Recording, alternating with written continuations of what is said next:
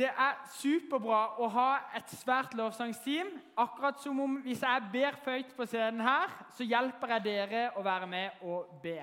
Og når de synger her på scenen, så hjelper de oss å be gjennom å synge. Og kanskje for deg så er det litt nytt eller er det litt rart, eller sånt. men egentlig så er det en utrolig fin ting. Hvis vi tenker på hvor mye vi hører på musikk i løpet av hverdagen, og sånt nå, så er det ganske mye. Iallfall gjør jeg det. Og så kan vi synge sanger som er til Gud, og som beskriver han, og som beskriver det forholdet vi kan ha til han. Så det er skikkelig bra. Men jeg lurer på dere, om det er litt lyd i dere. For det første så må jeg si at jeg heter André, og jeg jobber som pastor her i kirka. Og jeg syns det er sykt kult at alle dere er her. Jeg må bare ta en sånn test. Hvor mange her er fra åttende? Opp med en hånd. Ja, det er mange. ass. Kult. Ned. Hvor mange her er fra niende? Å, nice! Å, du kødda? Det er ingen fra niende her. Brede tuller. Dere er fra niende! Yes! Dritbra. Og hvem er fra tiende? Ja, ja, ja. Ja, Nice. Hvor mange er her fra videregående? Ja, Hvor mange er eldre enn videregående? Eh. Ja, Men en god blanding der, altså. Og jeg tror dere at her så er det veldig forskjellig om vi er vant til å komme i kirka eller gå på møte. eller sånn. Og det er helt greit. Men nå skal vi på en måte bruke denne kvelden til å lære litt hvordan det er. Og Nå skal jeg snakke litt. Og jeg skal snakke litt om Jesus. Kan alle sammen si Jesus? Jesus. Veldig, veldig bra. Jesus. Nei, bare én gang. Jeg spurte bare én gang. Og så skal jeg snakke litt om himmel. Kan dere si himmel? Veldig bra. Jeg skal snakke om å ha en himmel over livet. Fordi dere, mange folk lever livet sitt, og så vet de ikke helt Så vet de ikke helt hvorfor. Og så vet de ikke helt hvordan. Hva er vitsen, liksom? Vi kan kanskje noen ganger føle det som at eh, livet er som å være i et sånn hamsterhjul. Man bare løper og løper og løper. Noen ganger så har man masse energi, og så kan man løpe fort. Og andre ganger så er man veldig sliten. Og så bare gjør man ting, og så føler man at man kommer ikke helt, helt noen vei. Hva er på en måte poenget med det her? Hvorfor er jeg til? Er det av betydning at du er til? Er du viktig? Betyr du noe for noen? Jeg tror veldig mange tenker at ah, det er ikke så viktig med meg. Det er ikke så viktig med mitt liv. Hvilken forskjell spiller jeg? Men her i kirka, hver gang du kommer, så håper jeg du skal få høre at du er viktig. Og i dag når jeg skal snakke om å ha en himmel over livet, så snakker jeg om at det å ha Gud i livet fremfor å ikke ha Gud i livet, det er en utrolig stor forskjell. For vi kan leve og tenke at nei, det fins ikke noe over her. Jeg bare lever og kjører på.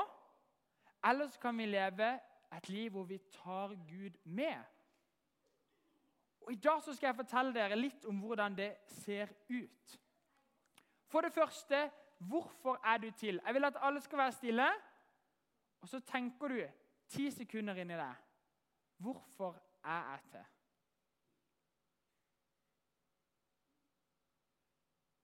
Kanskje du kom opp med en veldig god grunn nå, men mange syns det kan være litt vanskelig. Det første jeg har lyst til å si, det er disse tingene her. Det er det at du er ønska, du er elska, du er viktig, og du er verdifull. Kanskje ikke du hører de tingene så ofte, men de tingene der, det er sant om deg. Gud han har skapt deg, Gud han har designa deg, Gud har ønska deg, og Gud elsker deg.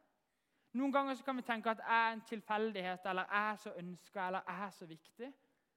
Men du er utrolig viktig for Gud. Han ønska at du skulle bli til, og ikke nok med det. Gud han ønsker også å ha en relasjon til deg. Han ønsker at du skal bli kjent med han. Han ønsker at du skal snakke med han. Han ønsker å være der for deg. Og Kanskje for deg så ja, men det vet jeg godt, og det har jeg erfart lenge. Eller kanskje er det første gang du hører det. Og så er begge deler sykt kult, fordi at vi kan gjøre noe med begge deler. Og Så er neste spørsmål da Liv med eller uten Gud. Er det noe forskjell? Kanskje du er der og tenker liksom Ja, ja, noen er kristne, noen er ikke, betyr det egentlig en forskjell? Merker man det på livet? Er liksom livet annerledes med Gud enn uten Gud? Og jeg vil bare si ja. Det er det jeg lever for, det er det jeg brenner for. Derfor jeg jobber i kirka. og Derfor jeg prøver hver uke å fortelle at livet med Gud det er det beste livet som vi kan leve.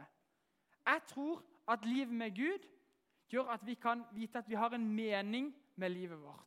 Den meninga at vi er skapt av Gud, og han ønsker at vi skal bruke livet vårt til å gjøre gode ting, til å være sammen med han og til å bety en forskjell for andre mennesker. Og Han har en plan for oss. Kanskje ikke du vet det, kanskje ikke du har noen tanker om det, men Gud han har en plan for ditt liv. Og Gud han kan faktisk bruke det. Kanskje du ikke tror det er mulig, men det er faktisk mulig.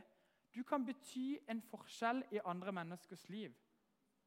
Kanskje noen av dere er den neste statsministeren. Det hadde vært helt rått. Da, da vil jeg komme på besøk på kontoret. Eller kanskje noen av dere skal bli lærere. Kanskje noen av dere skal bli pastorer.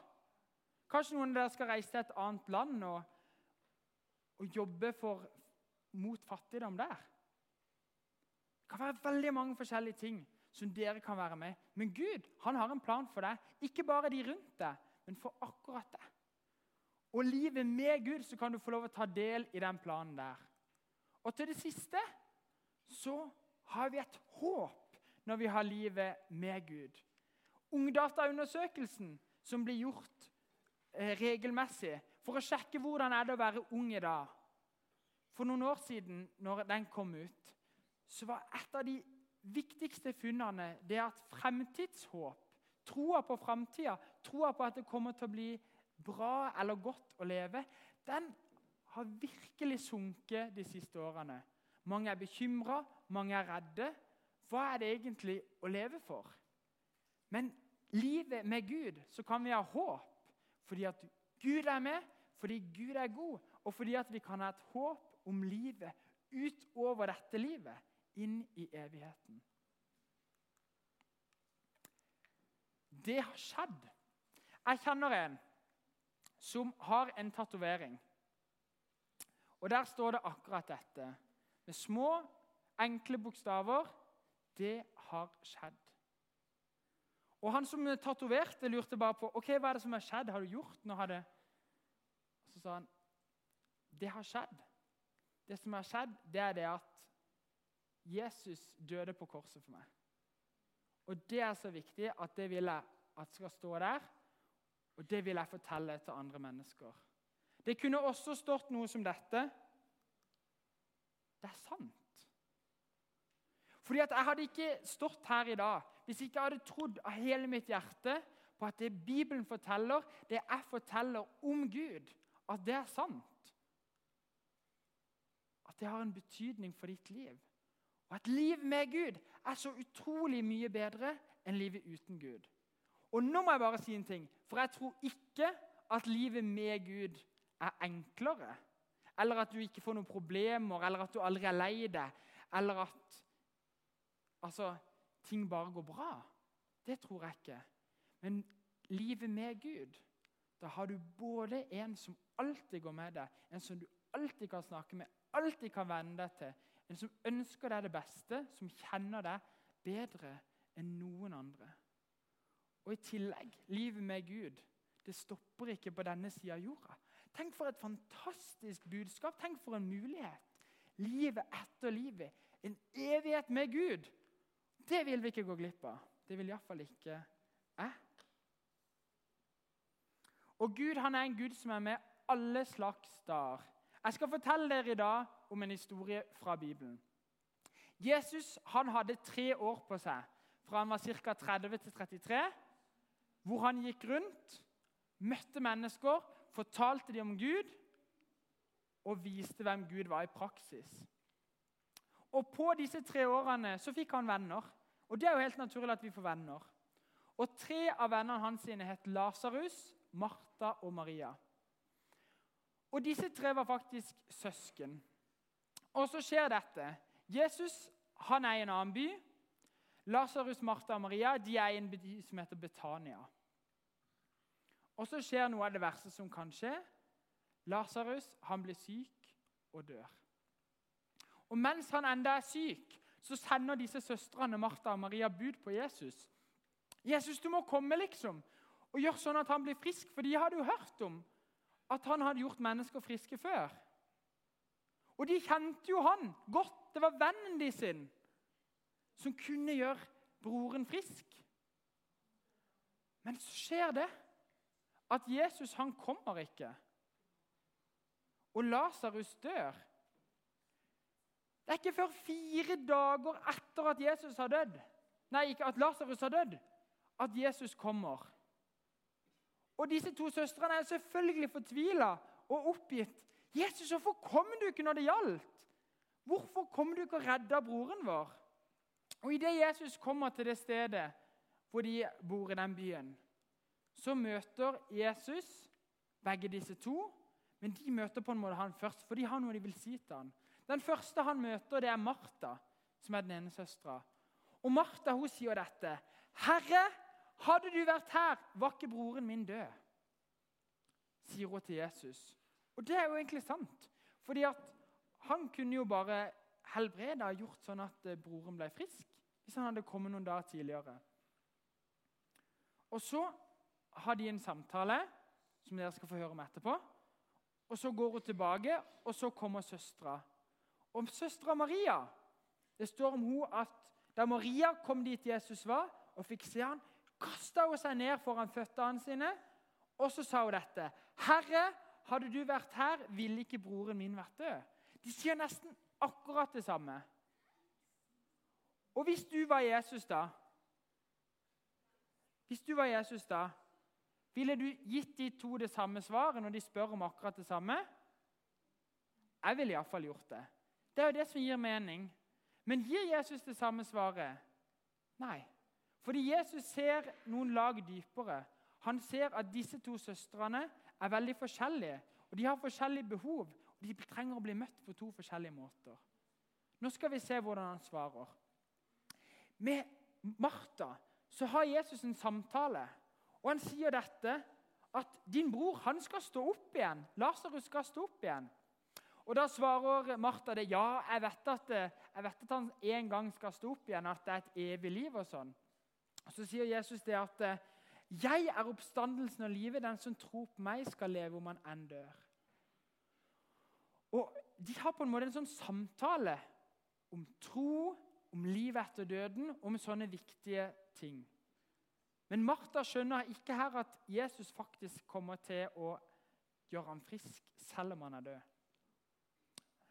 Og så etterpå, når han møter Maria som jeg sa, jeg ville jo sagt akkurat det samme, samme, det samme foredraget en gang til. Det hadde jo vært lurt, det funka med den første. Men det gjør ikke Jesus. Det står da Jesus så at både hun og alle jødene som fulgte henne, gråt, ble han opprørt og rysta i sitt innerste. Og han sa, 'Hvor har dere lagt han?' 'Herre, kom og se', sa de. Og så kommer det korteste verset som fins i hele Bibelen. Jesus gråt. Kan vi se for oss det?